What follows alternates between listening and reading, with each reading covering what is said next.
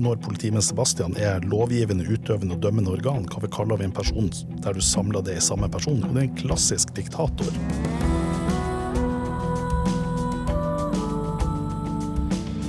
Velkommen til Alumini, en podkast fra UiT, Norges arktiske universitet. Hos oss får du foredrag og intervju med våre forskere, rett på øret, der og når du måtte ønske. Ja, rettsviter Marius Storvik mener politimester Bastian er en diktator. Og han mener òg at Kasper og Jesper Jonathan er utsatt for et justismord. Hva i alle dager er det her for noe?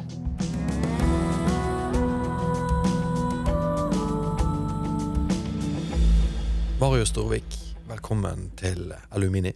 Takk for det. takk for det. Det her har jeg gleda meg til. Ja, Så bra. Ja, for du er da førsteamanuensis i juss? Ja, rettsvitenskap, Som, de, som de fine skal ha det til. Hva er ditt felt innenfor rettsvitenskapen? Jeg har jobba med helserett og menneskerettigheter. Det er liksom der jeg har begynt. Men det er jo liksom tvang. Når er det man skal bestemme sjøl, og når er det andre skal bestemme? Det er liksom det jeg ser på. Det er det som er kjernen. Og så utvider det seg, hvor jeg stadig oppdager nye, spennende ting. Ja, for Noen husker det kanskje fra noen diskusjoner rundt eh, koronarestriksjoner. Um, I vår var ja. du med og så på bruken av tvang i helsevesenet. Ja. Så skrev jeg doktorgrad om tvang i psykisk helsevern, og har på en måte hatt litt, litt fokus på det. Og så har jeg nå i det siste så har jeg prøvd å se på noen andre perspektiver. Reist til Afrika og prøvd å se på hva er det man gjør der, for å se om man kan få noen perspektiver for å forstå vårt system bedre. Veldig spennende. Ja. Kommer kanskje noe om det på sikt? Ja, det gjør det. Ja. det, det gjør det. Så. Men det handler om perspektiver. Det handler om, om å forstå det. Ja, for, for det, litt av grunnen til at du er her nå, er for å prøve å forklare hvordan forsker man på juss eller rettsvitenskap. på en måte. Um, og du sa her til meg nettopp i sted at du er visstnok den eneste som har publisert en rettsvitenskapelig avhandling, eller en bok. Art artikkel. Artikkel, ja. ok. I en bok. Om, I en bok, nettopp. uh, om Kardemommeby-loven. Ja. ja. Kardemommebyjuss. Ja. Så, og, så, så, du er på en måte i dag For å illustrere det, hvordan man, man forsker på, på juss, så skal du skal vi snakke litt om kanskje norgeshistoriens mest kjente krimsak, eller yes. rettsdrama. Saken mot de tre røverne i Kardemommeby. Ja, eller egentlig norgeshistoriens kanskje mest kjente justismord, selv om at det ikke er kjent at det er et justismord. Jeg mener, Vi har jo hatt noen justismord hvor det blir løfta opp at de er justismord, men tenk at her, her er det fortsatt ikke blitt avslørt at det er et justismord. Nettopp. Men da, tar vi på oss den jobben nå. Ja. Um, aller, aller, først må vi egentlig si at altså, vi vet at dette er en barnebok, og at verden er ofte mer kompleks enn den er i barnebøker. Men, men likevel, vi tror dette er et godt utgangspunkt for en diskusjon. Ja. Men, men, aller først må vi kanskje si hva skjer i boken, eller i fortellingen, som man er. Jo, altså Det som jo skjer i fortellinga, det er jo at du, du har dette fantastiske stedet Kardemomme by, der politimester Bastian er eh, visstnok politisjefen som styrer hele byen, og utkanten av byen så bor det da tre personer som omtales som røvere. Kasper og Jesper og Jonathan. Og De drar da ut på røvertokt og drar inn til byen, og der blir de da fanga av slakteren og bakeren, som har hørt en historie fra lille Tommy at de skal dra ut på røvertokt den natta. Så kommer politimester Bastian og putter dem i fengsel og sier de har fengsel i 54 dager eller 48 dager, eller hvor mange dager det var. Og Så blir de da sittende i fengsel, og så slipper de da ut eh, på slutten av historien etter at de har slukket en brann i Tobias sitt tårn. Og så blir historien på en måte fortalt om som at det er på en måte en historie om, om rehabilitering og om, om, om, likhetssamfunnet og det gode, gode, fine Norge. Det er liksom den veldig kort fortalt historien. Nå skal du bare ødelegge banen? Nå skal jeg bare ødelegge den. Fordi at i september 2018 så er på en måte rettssalen ved Universitetet i Tromsø forvandla til et teater. For jeg hadde overtalt sju jusstudenter til å ta på seg rollene som skuespillerne i en rettssak som skulle være annet enn ordinær. Benkene var fylt med spente barn som trodde de skulle være vitner til rettsdramaet som skulle utfolde seg, rettssaken mot Kasper Jesper Jonathan. Og lysene var dempa, røversangen ble spilt, og mens Oskar, Bjørn og Edvard ikledd røverkostymer begynte å plukke med seg noen effekter lagt i benkene, og plutselig ble lysene slått på, Linn og kameraene utkledd som slakterne baken, gjennomfører en arrestasjon av røverne. Og så kommer jo Ida, som i tillegg til å være jusstudent også var satsinstruktør og var med seg en svær pute på magen og løsbart fra TGR, en ekte politilue, den perfekte politimester Bastian. Og med myndigste stemme så erklærer Ida dere er arrestert i lovens navn, dere skal i fengsel. Og da brytes liksom historien opp. For da kommer jeg inn og så sier jeg, men politimester Bastian, du kan ikke bare putte folk i fengsel uten en rettssak. Og så blir sånn Ida og Bastian sånn, ja, men hvem er du, og hva som skjer nå, liksom? og så sier jeg, ja, men jeg forsvarer han. Og så sier Bastian ser på ungene i, i rettssalen, for det var masse unger til stede i denne rettssalen. Så sier jeg ja, det er greit, vi skal, vi skal ha en rettssak. Og så kommer det inn en forteller som på en måte organiserer de her tingene. Og fortelleren forklarer at hva en rettssak er, og forklarer at da må vi jo ha dommere. Og så sier den å, men vi har ikke noen dommere her. Er det kanskje noen som vil være dommere? Alle ungene rekker opp hendene, og plutselig så er liksom dommerbordet bare fylt opp av unger som ligger og kryper og kravler og står overalt der. Og dem skal da være dommere i rettssaken. Og det er klart, det er klart da, da, begynner vi jo liksom i motbakke. fordi at politimester Bastian er jo helten, det vet jo alle sammen. Og Kasper og Jesper Jonathan er skurkene. Og her legges det opp til en ordentlig rettssak som avsluttes med at dommerne skal ha en avstemning. Men hva er det som skiller dette fra Kardemommeby, fra boka? Jo, det som skiller det fra Kardemommeboka, det er at det vi gjør her, det er at vi tvinger inn boka inn i en rettslig eh, ramme. Og da må vi på en måte spørre ok, hvis de da skal i fengsel, hva er grunnlaget for det? Jo, da må vi jo være fordi at de har brutt kardemommeloven. Ok. Og så er det da eh, vitneavhør, slakteren og bakeren forteller, Kasper Esper Jonathan forteller. Og det er på en måte diskusjoner fram og tilbake på en måte, altså etter den samme ramma som vi gjennomfører i rettssaken. Og det er litt artig, fordi at jeg hadde jo med meg en av dine ungene, det var jo ei dattera mi som nå er, er 17. Og jeg hadde med meg henne på ei reise i fjor høst, og vi besøkte Den internasjonale straffedomstolen i Nederland, i Haag, og fulgte en rettssak der. Klassisk far-datter-øyeblikk. Klassisk far-datter-øyeblikk. Det er viktig å prøve å miljøskade ungene sine så godt som man kan. Og når vi da liksom kommer ut derifra, så og liksom spør, sånn, ja, det var vel den første rettssaken som du har sett, så sier hun Nei, men jeg skjønte jo greia her, for jeg var jo med på rettssaken mot Kasper Jesper Jonathan, og det var jo akkurat det samme som skjedde. Og da bare tenkte jeg yes, yes, da har jeg liksom klart å få det her formidla. Men det som, det som, da skjer, er at da har vi på en måte den vitneavhørene, slakteren og bakeren åpner opp, og, og, politimester Bastian på en måte spør ja, har dere stjålet, eller har, har de stjålet fra dere, og slakteren og bakeren bekrefta jo det. Og jeg, så spør jeg liksom, ja, men hvordan visste dere at det var Kasper Jesper Jonathan? Og så sier de jo, men det, det, visste vi jo, for det var jo, vi er jo bare tre røvere i den byen her. Hvor vanskelig kan det være? liksom? Det syns tok vi dem på fersk gjerning. Og så spør jeg, men skjedde det noen gang at dere hadde mat til overs ved slutten av dagen? Hadde noe kjøtt eller noe sånt som dere ikke fikk solgt, som dere måtte kvitte dere med? Og så de ja da, det stemmer det. Og i boka så står det jo at når de satt i fengsel, så fikk de da overskuddsmat fra slakteren og bakeren som de ellers la på kast. Og dermed så ligger det på en måte i den boka. Og så sier jeg da at men kardemommeloven sier at man skal være grei og snill. Visste dere ikke at Kasper Esper Jonathan var sulten? Hvorfor ga dere dem ikke maten? Og så blir det et sånt øyeblikk hvor de prater noe om kapitalisme og penger og, og, økonomisk bærekraft eller et eller annet sånt. Men på, poenget er på en måte der. Og så er det røverne sin tur. Og da er det jo vitneavhør ut av dem også. og så er det sånn, ja. Men hva er det dere har gjort for å plage de andre minst mulig, spør jeg. Og så forteller de jo, de visste jo at de andre ikke likte dem, så de dro ut på natta.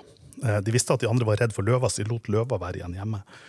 Og så sier de at og så lager vi til en sang for å minne oss på at vi skulle ta så lite som vi kan. Og så begynner de å synge. Og ellers så tar vi så lite vi kan, både Kasper og Jesper og Jonathan. Og da er jo da vist at selv om at de har stjålet, så har de gjort masse grep eh, for å redusere den skaden. Og så spør jeg men hvorfor stjelte dere? Og så sier de at var fordi vi var sultne, vi hadde ikke mat. Ja, men hvorfor hadde dere ikke mat? Var det ingen som brydde seg om dere? Og så blir de på en måte fortalt historien om hvordan eh, Kardemommefesten blir arrangert, der alle sammen i hele Kardemommeby er invitert med syngende papegøye og snakkende kamel og mat til alle sammen, der alle sammen er med, men hvor Kasper Jesper og Jonathan sitter på utsida. De var ikke invitert inn. Det var gratis mat til alle sammen, og de tre som ikke hadde mat, var ikke inkludert. Um, og så og spør jeg, men var det ingen som passa på dere, var det ingen som så dere? Var det ikke noe her? Og så blir, det sånn, blir de fortelle nei, de, de hadde ikke noen andre muligheter. Dette var den eneste måten de hadde å gjøre det på. Og så går vi så over til prosedyrene. Og da begynner politimester Bastian å si kardemommeloven sier du skal ikke plage andre. røverne har plaga andre, de har brutt loven, de må i fengsel. Og så er det min prosedyre. Og da, er det sånn at, og da problematiserer jeg jo flere ting her. Ikke sant? Men det, ikke sant? det ene at jeg på en måte sier at ja, de har plaga de andre minst mulig. sånn at hvis de skal dømmes, så må de på en måte dømmes så mildt som mulig. Men så påpeker jeg det at her, her har du liksom tre karer som bor i utkanten av Kardemommeby med så dårlige boferdigheter at de på en måte ikke vet hvor klærne deres er. De våkner opp om morgenen, de, altså de aner ikke noen ting hvor noe som helst er. De har liksom ei løve der, men, men, de klarer ikke å sørge for mat for løva. sånn at En dag så har de liksom spist opp tåa til den ene ut av dem. litt sånn, hvordan, hvordan folk er der. Og så er de sånn at så dårlige boferdigheter at når de finner ut at de skal eh, få rydda opp der, så istedenfor at de prøver å lære seg å vaske, så tar de og kidnapper ei alenemor for å liksom eh, gjøre det renholdet for dem. Og det er liksom et eller annet med at Når du plutselig begynner å sette i et perspektiv og tenker at ja, men hvem er disse menneskene Hvem er disse menneskene i Norge, så blir det litt sånn annerledes. Og så, og så sier jeg at men kardemommeloven har jo to deler. Du skal ikke plage andre, og du skal være grei og snill. Så er spørsmålet ok, har Kasper og Jesper Jonathan plaga andre? Ja, det har de. Men har de vært greie og snille? Ja, kanskje. Men hva med de andre i Kardemomme Har de vært greie og snille? Og så viser jeg det at hvis slakteren og bakeren hadde vært greie og snille, så hadde ikke Kasper Hesper Jonathan måttet ha plaga andre. Og politimester Bastian han har heller ikke vært grei og snill fordi at han har arrangert karde, altså fordi at han har gjort de her tingene, fordi at han har vært den som var ansvarlig for Kardemommeby. Det er jo han som har laga kardemommeloven, han som er på en måte er dermed lovgiver, og han som er den utøvende makt. Og det er også han som er da dommeren der. Dermed så er han den som er øverst ansvarlig her. Og han har en kunnskap om at tre stykker sitter i utkanten, han har mulighet til å gjøre noe med det, og han velger å la være å gjøre noe med det. Og når den situasjonen som da er skapt, utløses, så sier han dere skal i fengsel. Og så er det sånn Er det å være grei og snill? Og så sier jeg til ungene at hvis, hvis, det er sånn at dere dømmer Kasper Hesper Jonathan for å ha brutt kardemommeloven, når politimester Bastian, slakteren og bakeren også har brutt kardemommeloven, så er dere urettferdige. Det er jo et ord ungene forstår. Det er noe ord ungene forstår. Så vi har gjennomført denne saken. Jeg er litt usikker på hvor mange rettssaker vi har kjørt av, men jeg tenker at det er sikkert ti. Jeg har telt over en gang antall mennesker, kom opp for over 1500 mennesker. Um, og jeg har vunnet alle rettssakene, bortsett fra én. Og da tar dommerne ordet, og så sier de at ja, Kasper Esper, Jonathan, politimester Bastian, slakteren og bakeren skal alle sammen i fengsel. og det er klart, det vet er rettferdig, i hvert fall. resultatet jeg kan akseptere, liksom. Mm. Men, så, men, så, er liksom da poenget men hva har det her med liksom juss å gjøre? For dette er jo på en måte en, en, en annen verden. Og da er jo min tanke er jo at jussen skal være noe som virker mellom oss mennesker. Og den skal på en måte være bygd på et sammenhengende system som skal fungere, som skal være et redskap for å gjøre livene til mennesker bedre. Det er klart at Hvis vi da skal forstå jussen, så er det sånn at reglene i samfunnet vårt er utrolig komplekst. Men hvis vi klarer oss å få det forenkla, så vil vi klare å se noen systemer og noen strukturer. Og så kan vi bruke de systemene og strukturene til å på en måte vurdere det. Og så mener jeg også at det er jo noe med en rettferdighet her. For jeg mener jo det at vi tar jo alle sammen beslutninger. Og så tenker jeg det at spørsmålet som jeg ofte stiller meg, men Marius, tåler denne beslutninga en barnejury? Og så er jeg sånn ja, hvis jeg hadde kjørt denne saken, hvis jeg hadde tatt denne beslutninga framfor en barnejury, hadde det tålt det? Og for meg så blir det sånn at altså, jussen skal jo være god. Den skal jo virke. Og så kan jeg liksom fyre løs på andre problemer i denne boka. som er, Jo mer jeg på en måte jobber med den, så er det sånn ja, ok, men når politimester Sebastian er lovgivende, utøvende og dømmende organ, hva vi kaller vi en person der du samler det i samme person? Og det er en klassisk diktator. Så er det sånn, ja, politimester Sebastian er sånn en klassisk diktator. Så blir man sånn å ja. Um, men han er jo snill. Men han er jo snill. Så sier jeg ja, men, ja, men er han jo snill? Nå har jo liksom barnejuryen slått fast at han ikke har vært snill. Så, sånn, så, så, ja, han er en klassisk dikter, men det, hvordan har han på en måte historie om at han blitt snill kommet ut? Jo, I min analyse så har han jo hatt en spinndoktor, Torbjørn Egner. Og jeg tenker at Ved å på en måte plutselig lese boka om Kardemommeby som dette er fortellinga fra spinndoktoren, fra kommunikasjonsrådgiveren Torbjørn Egner, til det norske folk, som forteller om den enestående, fantastiske politimester Bastian og den landsbyen han har bygd. Og så blir, sånn, så blir vi lurt ut av den historien. Men når vi begynner å putte inn i et system og begynner å stille noen spørsmål rundt det, så plutselig så dukker det opp noen andre ting. Mm. Um, Ja, og da blir jeg litt sånn, ja, ok, vi, hvor, hvordan skal vi på en måte klare oss å forholde oss til liksom, politikk og spinn fra makthaverne og sånn? Og da blir det liksom et ut av svarene mine, ok, men vi har laga til et rettssystem. Og det rettssystemet, vi skal ikke bruke det liksom på enhver en tvist og bråk i samfunnet, men vi har det der som et redskap for å tvinge ting inn i et strukturert system for å på en måte avklare ja, men hva er det vi egentlig mener her. For det her får vi jo til å innse at liksom, altså, Kardemommeby er jo et råkapitalistisk system. Egentlig, Det er jo ikke noe sikkerhetsnett der i det hele tatt. Nei, det er ikke det. Det er helt Og du har samtidig en, ja, en uh, hva det, benevolent diktator. Nemlig. nemlig. Ja, Tydelig, ja. Tilsynelatende, i hvert fall. Nemlig. Jo, men så ble, har jeg blitt sånn I løpet av siste, siste årene vi har sett denne Russland-Ukraina-saken, så har jeg plutselig sett ja, men her er det jo plutselig noen nye paralleller til, til Kardemommeby. For hva er det som skjer når Kasper Esper Jonathan sitter i fengsel? Jo, det som skjer, det er at du begynner å brenne i tårnet til han Tobias. Ok? Tobias kommer seg ut vel og bra, men det er ikke noen som har tenkt på noe brannsikkerhet eller noe sånne her ting her. Og, har... Hva slags system er dette her, egentlig? ja, og så tenker Tobias å, men jeg har, jeg har liksom en kikkert der oppe og en liten hundevalp og en papegøye, og dem ønsker jeg jo så gjerne å berge. Og så blir det sånn, ja, men det er jo ikke noen som klarer å berge dem. Så det er noen som tenker jo, men i fengselet, der sitter jo tre karer. Og så blir det sånn at dem, dem klarer jo denne oppgaven. Eventuelt, hvis de dør, så er ikke det så nøye. Mm -hmm. Og Så blir de da sluppet ut av fengselet og tar tak i noen gamle råtne tau og klatrer opp på utsida av det brennende tårnet opp og redder liksom den kikkerten og papegøyen og den hundevalpen. Og alle sammen er kjempeglade. Og så tenker jeg ja, men hva er det vi har sett her? Jo, vi har et land, vi har et, land, et, et, et samfunn som er i krise. Hva gjør vi da? Jo, vi tar de som da sitter i fengsel, og så vi, gir vi dem et tilbud. Hvis dere klarer, hvis dere risikerer livet deres, så blir dere fri. Det er akkurat det samme som Putin og Wagner gjør i Russland nå. De tømmer de russiske fengslene, gir dem tilbud til å dra til Ukraina og kjempe for, for, dem. Hvis de overlever, så blir de fri. Og plutselig ser jeg sånn, ja, det er en parallell mellom eh, Torbjørn, nei, Torbjørn Egner, politimester Bastian og Wagner og Wagner-gruppa det liksom driver samfunnet på litt ut av samme måte. Så ikke bare et råkapitalistisk system, men det er jo liksom et klassisk diktator. Og jeg sa, ja, Hvor lenge kan vi opprettholde illusjonen om at politimester Bastian egentlig var snill? Hva med, hva med selve kardemommeloven? Har du noen andre gode barndomsminner og illusjoner du kan ødelegge nå for meg? Ja, fordi at, fordi at altså Det som er det grunnleggende problemet med kardemommeloven fordi at I prinsippet så kan du si at den er jo god, fornuftig. Du kan ta det norske rettssystemet så kan du si at det fungerer etter samme mal som kardemommeloven. Fordi at Den har ett regel om, på, om, om, et forbud. Du skal, ikke, du, skal ikke, plage andre. På samme måte er det norske samfunnet. En del handlinger som er forbudt, som da er straffbare. Men så har den også et annet sett med regler som er da påbud. Man skal gjøre sånn og sånn. Helsepersonell skal yte forsvarlig helsehjelp. Man skal yte øyeblikkelig hjelp. Eh, vi skal ikke forlate en person i en hjelpeløs tilstand. Og det, og, det, er på en måte ikke forbud, men det er på en måte påbud som utløser en handleplikt. Og så har du da, og For øvrig kan du gjøre hva du vil, og det er det vi snakker om, den alminnelige regelen om handlefrihet. Det som ikke rammes av et påbud eller et forbud, da har vi en alminnelig handlefrihet. Mm.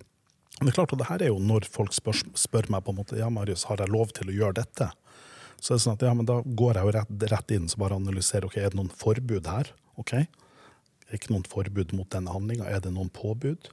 Nei, det er ikke noen påbud. Så sier jeg men da kan du bare gjøre det. Så blir folk sånn Marius kan alle lovene. Ja, men det handler jo bare om et system. Mm. Det handler om å på en måte se er dette noe som rammes av et forbud eller et påbud. Um, men så er jo da problemet med den her, det er at den er så generisk, den er så åpen, at den må jo tolkes. For hva er å plage andre? Når er det man skal plage andre? I fortellingen om Kasper Esper Jonathan så er det sånn, ja, de har plaga andre, men de har plaga andre minst mulig. Men er det, et, er det et akseptabelt argument? Det svarer ikke kardemommeloven på. Ja, de har plaga andre, men de har forsøkt å plage andre minst mulig. Skal, hva er konsekvensene ut av det, og hvordan skal vi vurdere det? Det må jo være opp til en domstol å vurdere det, fordi det vil være en usikkerhet rundt det. Det er ikke noen rettskilder som avklarer det spørsmålet. Og så blir det sånn, ja, hvem er det da som avgjør det? Jo, det blir politimester Bastian som da skal avgjøre det. Og hvordan avgjør politimester Bastian det? Ja, Det kommer an på hvor godt han kjenner røverne kommer an på hvem man kjenner. Og Dermed så blir åpna det opp for en vilkårlighet. Det åpner opp for en maktutøvelse hvor enhver beslutning fra politimester Bastian kan sies at dette gjør jeg for å oppfylle kardemommeloven. Du har brutt kardemommeloven. Og så er det alltid et tolkningsrom der. Og det er ikke mulig for folk å forutse sin rettstilstand. Dermed så er det eneste måten man kan forutse sin rettstilstand på, det er å være venn med politimester Bastian. Og dermed øker du diktatoren sin makt. Og hvordan kan man være uenig med diktatoren i et sånt samfunn? Hvordan kan man på en måte utfordre makta? Og dermed så illustrerer jo det også et poeng om at, om at selve rettsstaten, at vi trenger jurister, vi trenger på en måte noen som ivaretar rettssikkerheten til mennesker. Hvis, og, og, vi trenger å få utvikla noen regler som fungerer, som gjør at folk kan forutse sin rettsstilling. Nå, har jeg prata meg bort nå, eller? Nei, på ingen måte. Nei, jeg skal også til å skyte inn her at det, det står jo ingen straffutmåling i kardemommeloven. Nei, det gjør det jo ikke. Mulig, bruker muligens ordet straffeutmåling feil, ja. men altså disse ukene og dagene som røverne mm. sitter i fengsel, det er jo tatt ut av tomme luften. For ja. jeg Bastian mener dette er passende. Nemlig. Nemlig. Men, men, så, men så samtidig så røyser jo det også et, liksom et sånt spørsmål. fordi at, fordi at hvis, vi, hvis, vi, på en måte er kritisk til, til Marius sitt Kardemommeby-spinn, som jeg jo kanskje bør være, liksom, så er det også sånn at fordi at hvis jeg tar hva er på en måte argumentet som jeg argumenterer for her, jo det jeg argumenterer for her, det er at vi trenger mye mer rettsregler. Vi trenger på en måte mye mer det i samfunnet. Okay? Men hva er det som skjer da? Jo, jo, jo, mer vi åpner opp den døra, jo flere jurister vil vi få inn, og jo mer krangling og jo mer prosesser vil du få der dyre advokater krangler med hverandre. Og jo mer vil man på en måte se at samfunnet blir styrt av ei regulering. Og så blir det sånn, ok, men det gjør det vanskeligere å bare løse opp i ting på en fornuftig måte. Sånn at det er liksom et eller annet man klarer å finne en sånn balanse her. fordi at ideen i kardemommeloven er jo god. Altså at ja, hvorfor, La oss nå prøve å gjøre det enkelt. da, altså Bare være grei og ikke plage andre. Og så, og så er det sånn, Poenget er at vi må ha noen rettssikkerhetsgarantier. Men så er det spørsmål skal vi løse dette gjennom noen rettssikkerhetsgarantier som domstoler og den typen, eller skal vi løse det gjennom å utvikle stadig bedre regler, sånn at man kan vite hva er strafferamma for å bryte seg inn hos slakteren og bakeren og stjele mat for å overleve, liksom. Det. Og det, det, er komplekst. Og da er vi jo kanskje inne på det opprinnelige spørsmålet ditt. Hva er det jurister egentlig forsker på? Og da er det vel akkurat dette. Rettsstaten er på en måte et massivt kompromiss, da? Ja, det... og, og, dere prøver å se på balansen i det kompromisset? Ja, det er riktig. Eh, og så må jeg jo bare si at nå, sant, plutselig så har jeg vikla meg inn her på strafferett, og sånn her, så man si, ja, det er jo ikke det er liksom ikke kjernen i det jeg holder på med. Men en av de fagene som jeg underviser og som jeg jobber med, det er jo den med rettssosiologien. Og det handler jo om hvordan jussen virker i samfunnet. Mm. Hvor jeg bare ser at ja, det, vi, hjemme hos oss liksom, så er det sånn at vi spiser sjokolade hver lørdag. Og så har jeg på en måte av og til sett at når liksom lørdagsmorgenen har kommet og har pakka opp sjokadeboksen fra skuffa, så tenker jeg er ikke det mindre i denne sjokadeboksen nå enn det var for ei uke siden? liksom Putta den nedi. Så tenker jeg ja, kanskje, kanskje det er sånn at denne regelen om at vi bare spiser sjokade hver lørdag, kanskje den ikke blir fulgt alltid. Og så kjenner jeg at jeg som jurist blir litt sånn krenka, for jeg tenker oi, hva, hva er det her for noe? Blir ikke reglene fulgt? Men så skjønner jeg jo det at kanskje det var meg for det har vel skjedd at jeg også har gått på sjokadesmellen på en onsdag. Så ja. Ha ydmykhet i møte med rettsstaten. da. Ja, det men, men, jeg mener, da er vi over på en av de tingene som jeg ser etter hvert som jeg blir eldre. Det er liksom at et eller annet med at jo eldre jeg blir, jo, jo jeg, mer av mine egne feil ser jeg og blir jeg kjent med, og jo mindre behov har jeg for å si at noen har vært en idiot, eller jeg blir sånn at Det er hylekorene som av og til oppstår liksom, når noen har gjort noe galt, så blir det sånn ja, stadig oftere bare tenker at ja, men vet du hva, hadde vi snudd litt om på historien og endra på noen forhold her og der, så tenker jeg ja, kanskje det kunne vært meg. Kanskje det kunne vært meg som har gjort de valgene. Kanskje det kunne vært meg. Så tenker jeg at hva er det grunnen til at jeg jobber som førsteamanuensis i rettsvitenskap? Ja, jo, jeg, jeg, liksom ikke Jeg har ikke en jeg er jo ikke dum, men samtidig det er mange smarte folk som sitter i fengsel.